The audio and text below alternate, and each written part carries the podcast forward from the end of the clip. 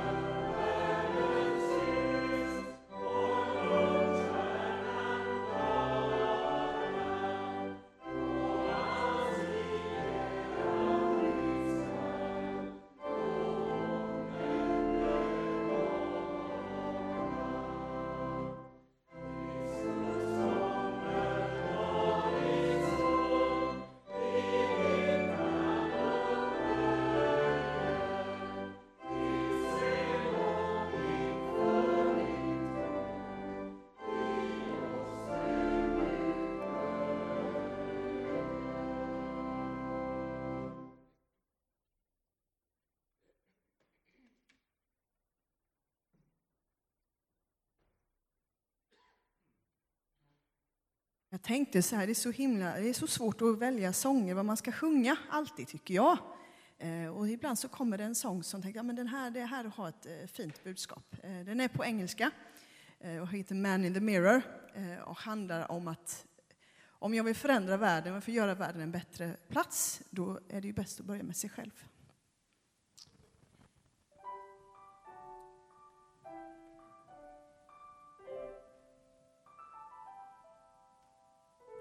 I'm gonna make a change for once in my life. It's gonna feel real good, gonna make a difference, gonna make it right. As I turn up the collar on my favorite winter coat, this wind is blowing my mind. I see the kids in the street with not enough to eat. Who am I to be blind, pretending not to see their need? A summer's disregard, a broken bottle top, and a one man soul. They follow each other on the wind, you know, cause they got nowhere to go. That's why I want you to know I'm starting with the man in the mirror. I'm asking him to change his ways. And no message could have been any clearer. If you want to make the world a better place, take a look at yourself and then make a change. Na na na na na na na na na. I've been a victim of a selfish kind of love. It's time that I realize there are some with no home, not a nickel to loan. Could it be really me pretending that they're not alone? A willow deeply scarred, somebody's broken heart, and a washed out dream. They follow the pattern of the wind you see, cause they got no place to be. That's why I'm starting with me. I'm starting with the man in the mirror. I'm asking him to change his ways. And no message could have been any clearer. If you want to make the world a better place, take a look at yourself and then make a change. I'm starting with the man in the mirror.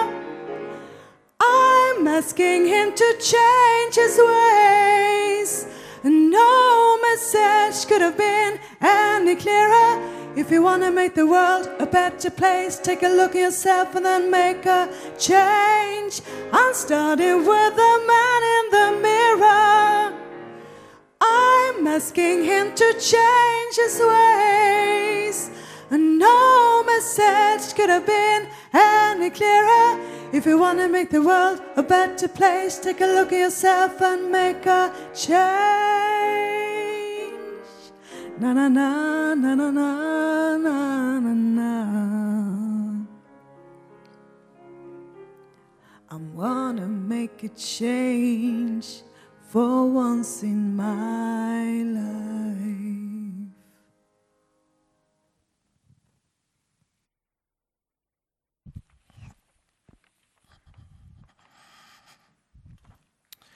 Tack så jättemycket.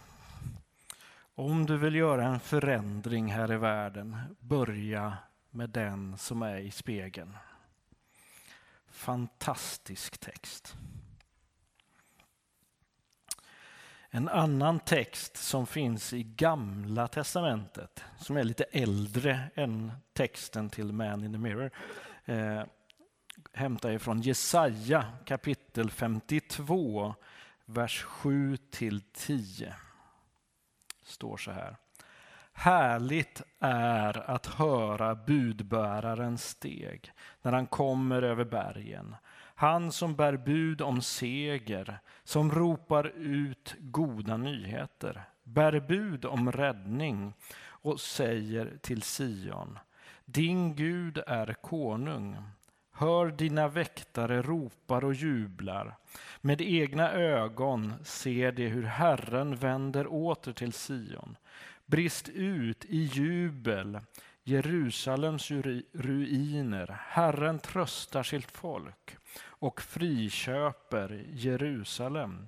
Herren visar sin makt och helighet inför alla folk. Hela jorden ska se hur vår Gud räddar oss. Vi knäpper våra händer. Tack Jesus att vi under adventstid liksom får blicka blicka både bakåt och framåt för din räddning som du har berett genom Jesus Kristus. Tack att vi får läsa profetorden och vi får ha med oss dem i allt Jesus. Det vill jag tacka dig för.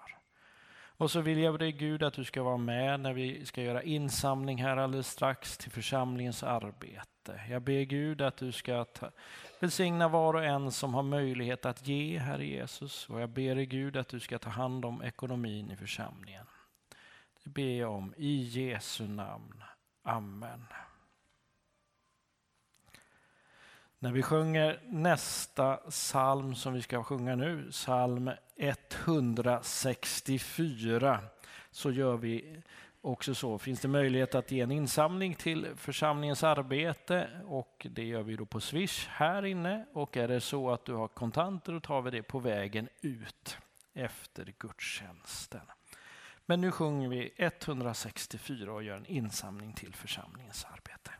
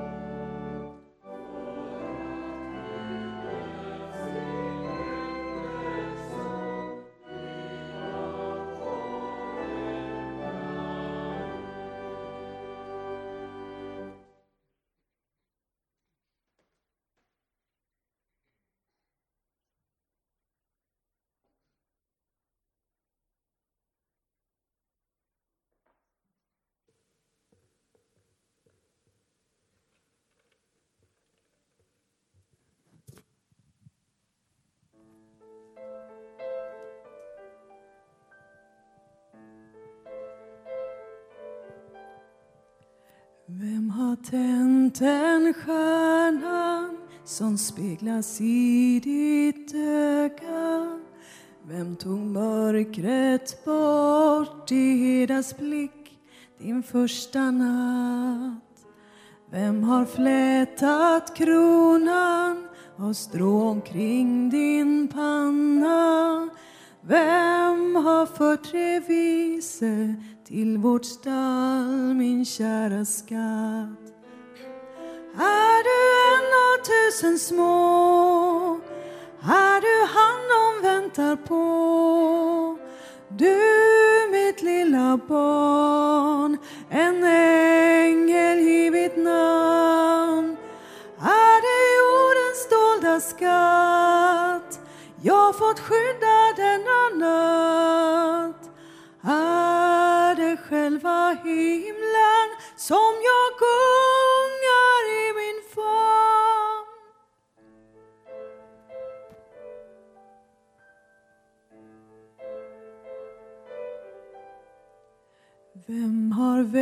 den rädsla som hjärt ditt hjärta gråta? Varför tar din hand så hårt ett grepp om mammas hår? Runt oss dansar skuggor nu är ängeln borta Han sa så mycket vackert mycket mer än jag förstår är du en av tusen små. Är du han de väntar på? Du, mitt lilla barn en ängel givit namn. Är du jordens dolda skatt? Jag fått skydda denna natt. Är det själva himlen som jag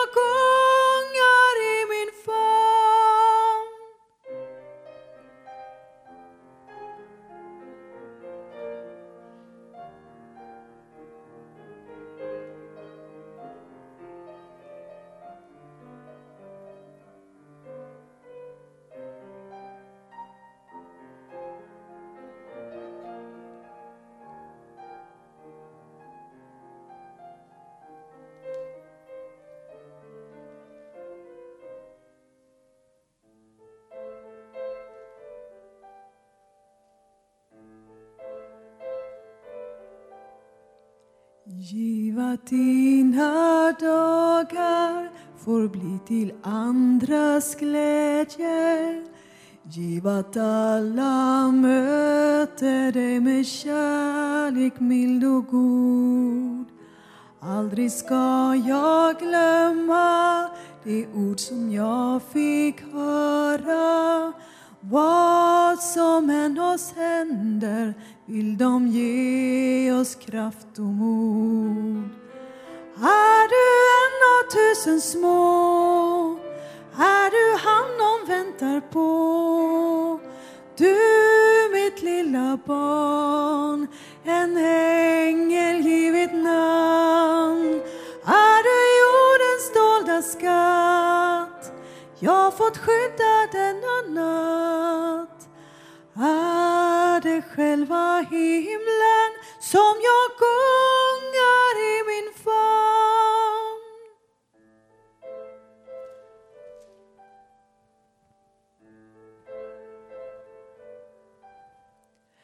Vem har tänt den stjärnan som speglas i ditt öga? Himmeldiamanten över staden Betlehem.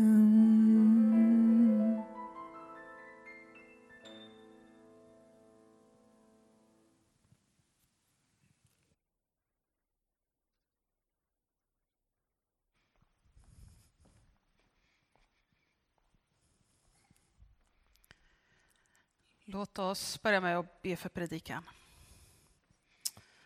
Ja, Herre, öppna våra ögon så vi kan se dig.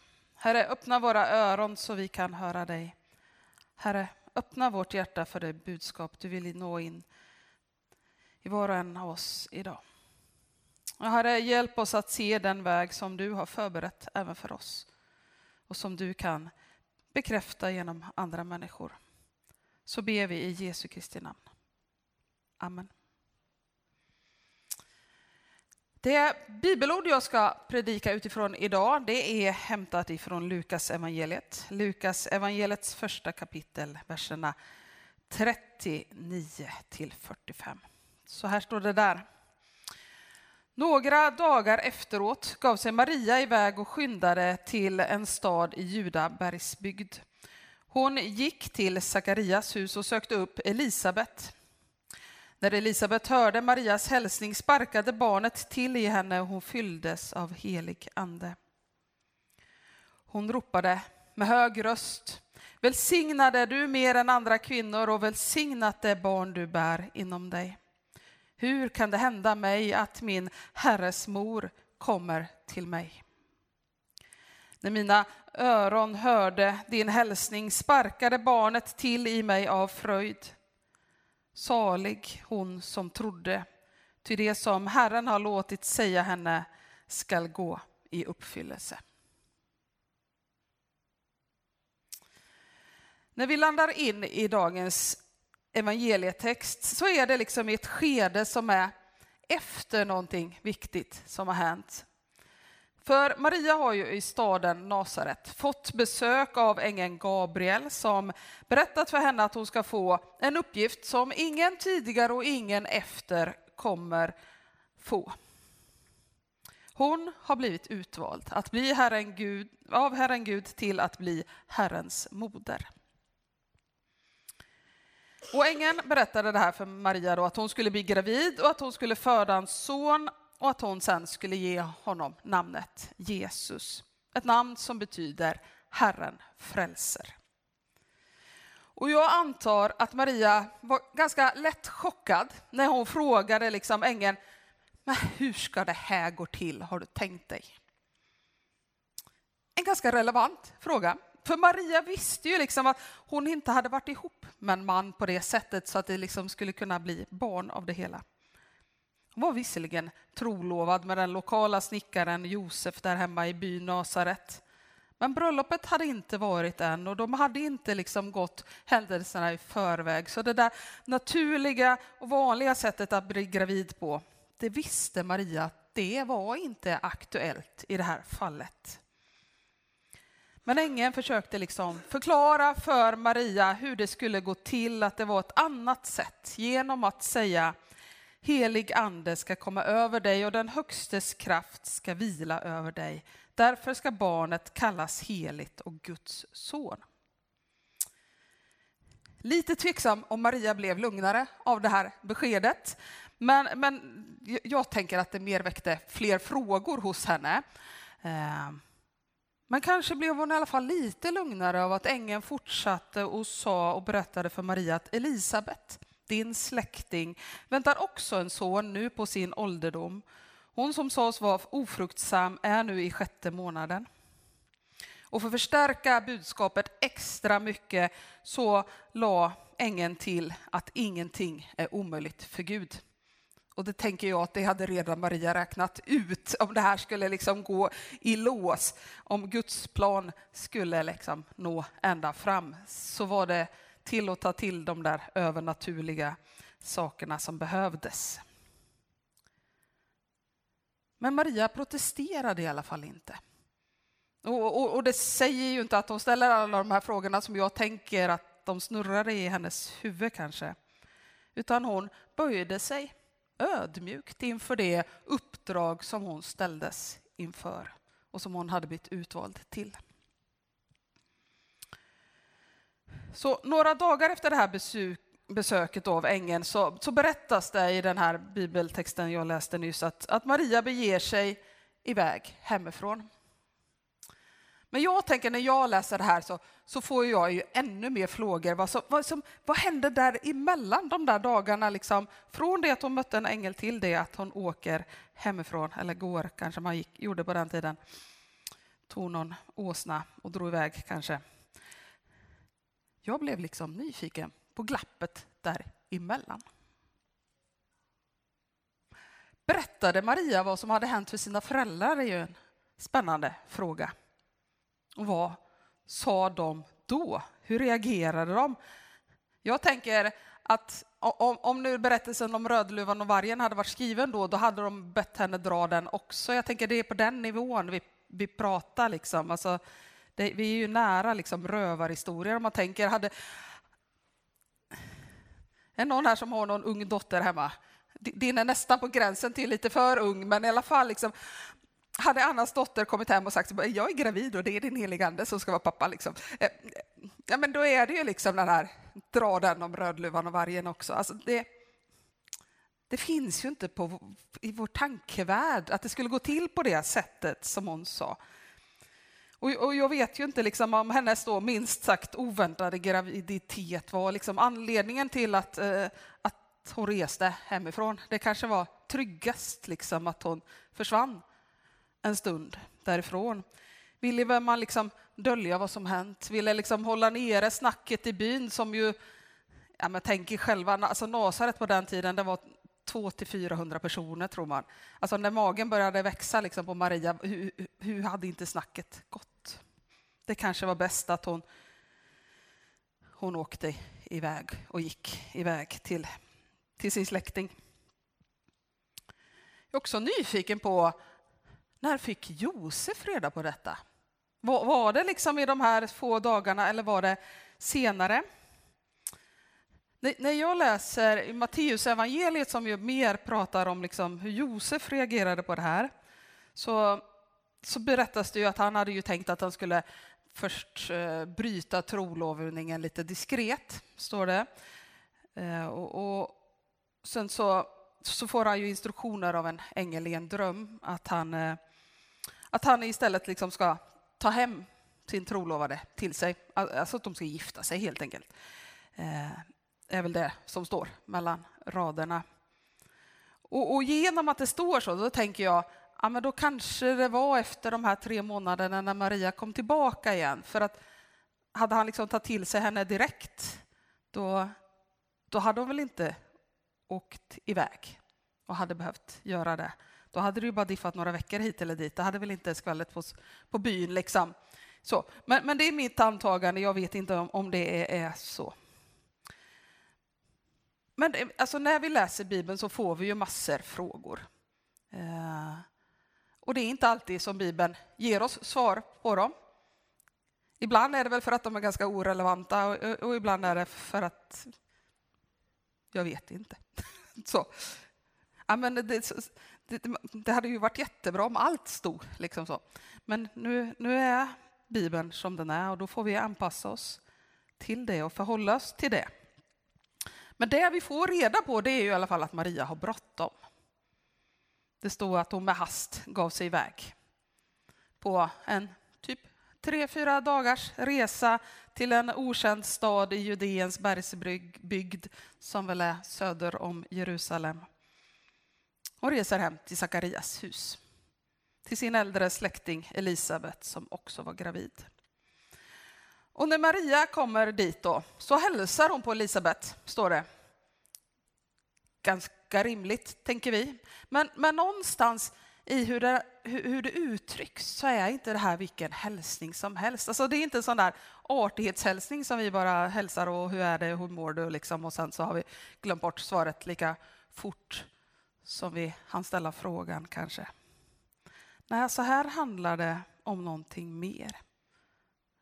För det är samtidigt liksom en, en ung kvinna som i det här ögonblicket, i den här hälsningen så när hon liksom ser sin, kanske, hur tjock är man efter sex månader?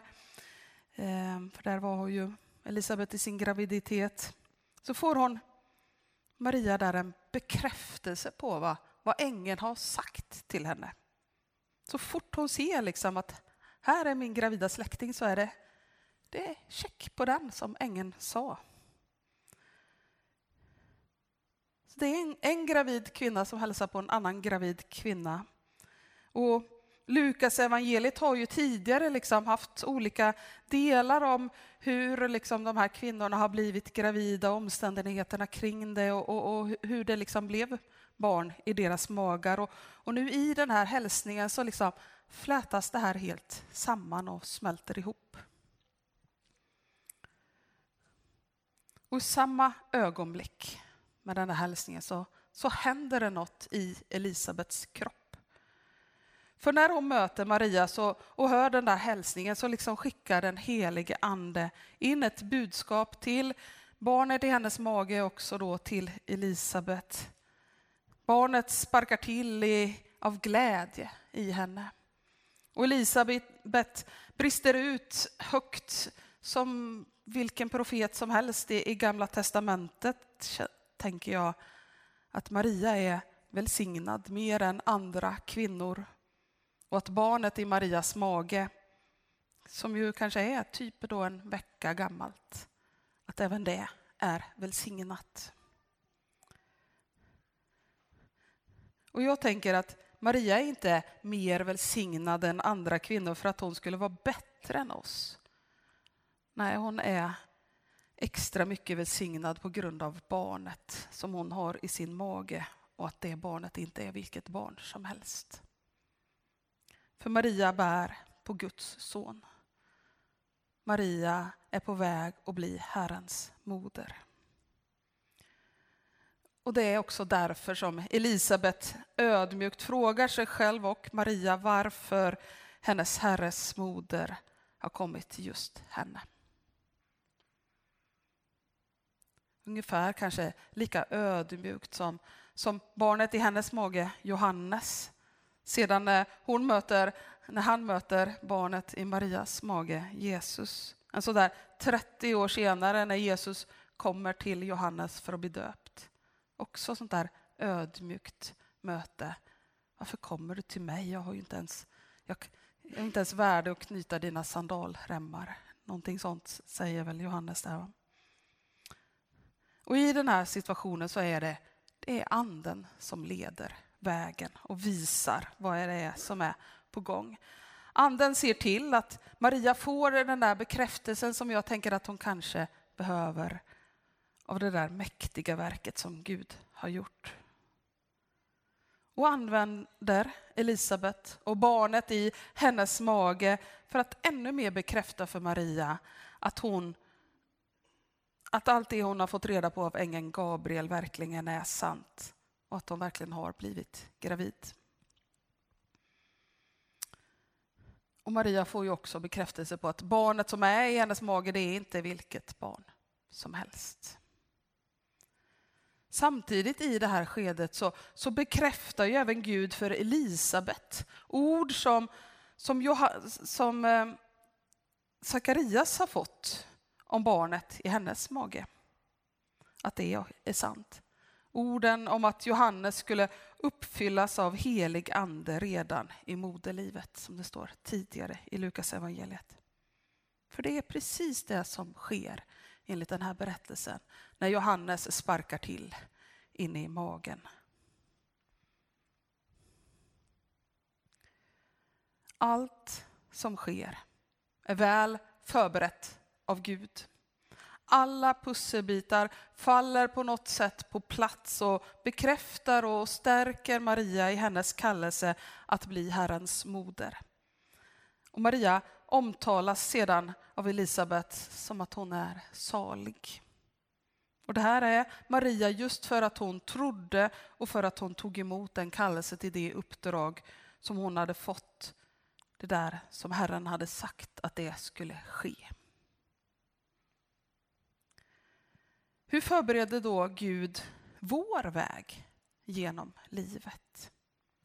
Är Gud med och bekräftar och, och, och stärker oss i, i vår kallelse? Ett ord som inte bara handlar om oss som är pastorer utan som alla vi har en form av kallelse. Någonting som Gud vill att du och jag ska göra idag.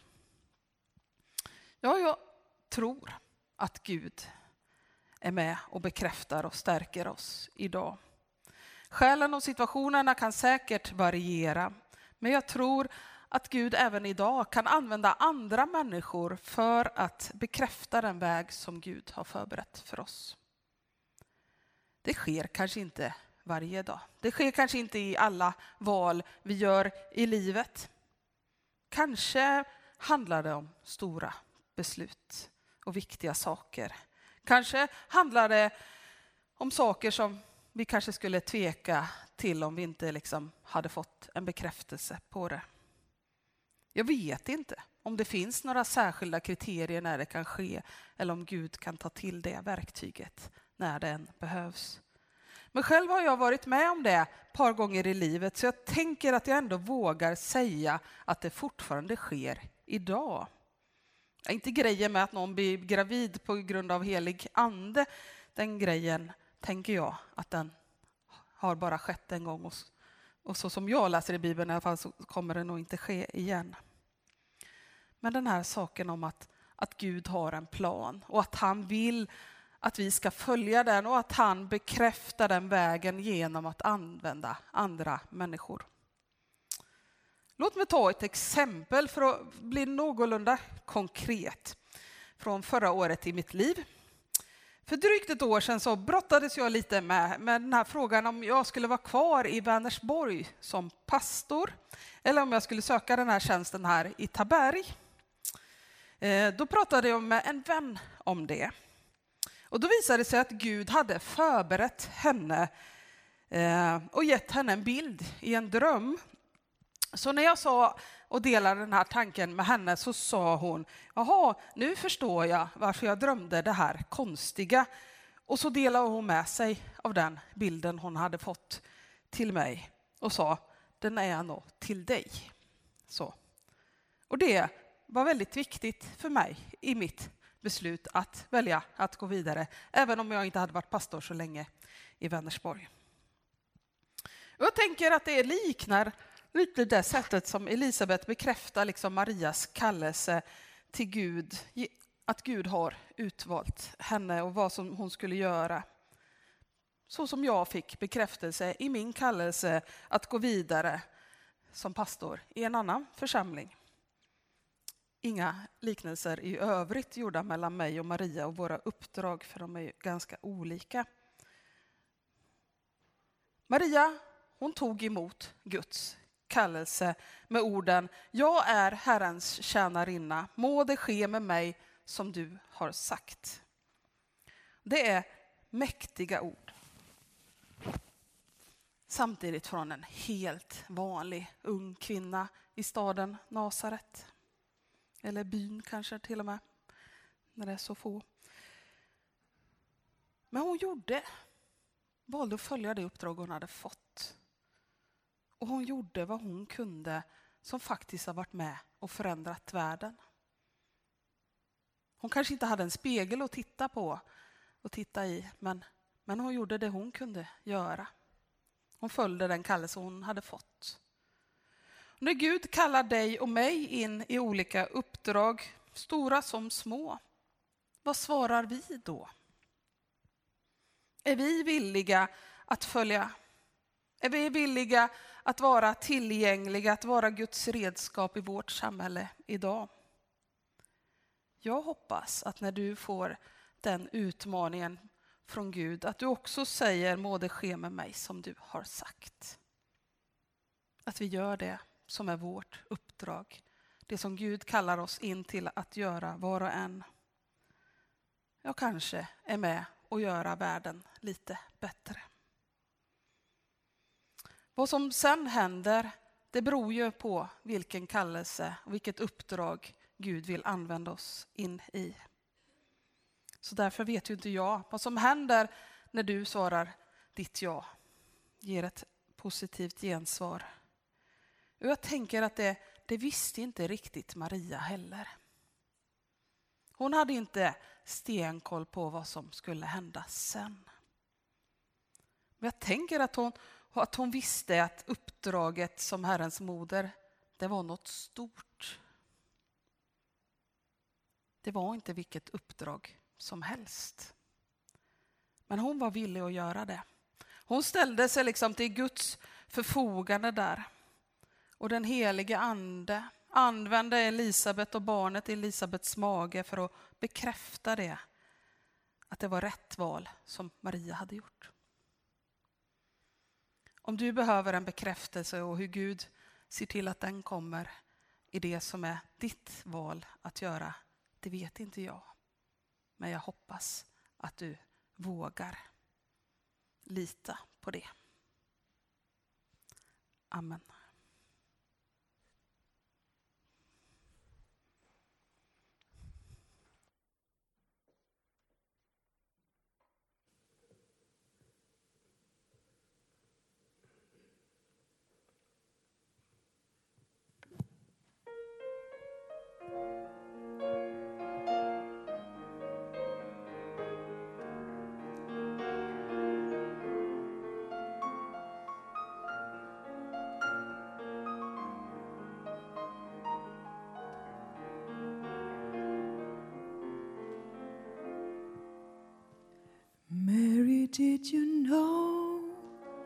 That your baby boy will one day walk on water? Mary, did you know that your baby boy will save our sons and daughters? Did you know that your baby boy has come to make you? This child that you delivered will soon deliver you. Mary, did you know that your baby boy will give sight to a blind man? Mary, did you know that your baby boy will calm the storm with his hand? Did you know that your baby boy has walked where angels trod? When you kiss your little baby, you kiss the face of God. Mary, did you know?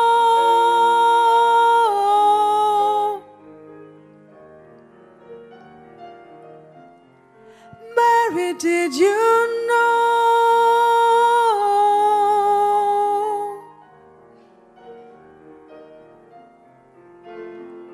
The blind will see, the deaf will hear, the lame will speak again. The lame will leap, the dumb will speak the praises of the Lamb.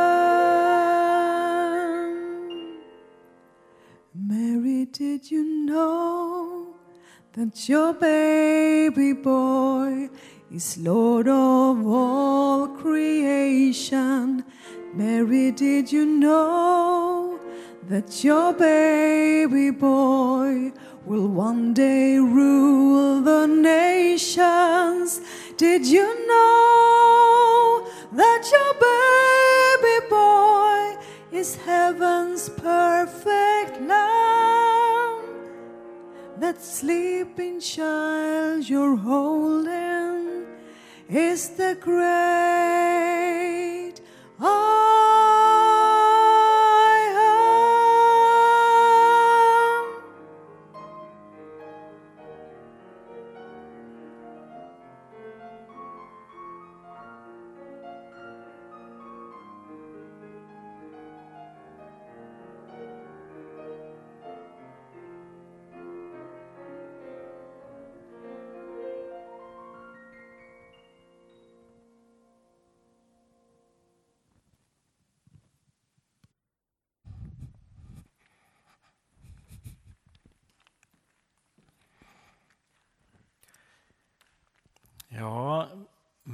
Maria vågade lägga sitt liv i Guds händer och gå den där vägen som hon inte hade koll på. På samma sätt kan vi få lägga våra liv i Guds händer mitt i det vi är och få gå tillsammans med Gud och samarbeta med honom. Är det så att du känner att ja, men det här behöver jag hjälp i bön med så finns Ullis här på första bänk där. Och ber gärna med dig och för dig. Är det så att du bär på det, eftersom du har bönämnen, det här vill jag be för, så har vi ju förbönsplatsen, alltså det finns möjlighet att tända ljus där och eh, ja, vi har en stund där vi ber tillsammans på olika sätt. Och det gör vi under tiden som vi sjunger ett par lovsånger tillsammans. Och vi börjar med en som heter Du är en bön.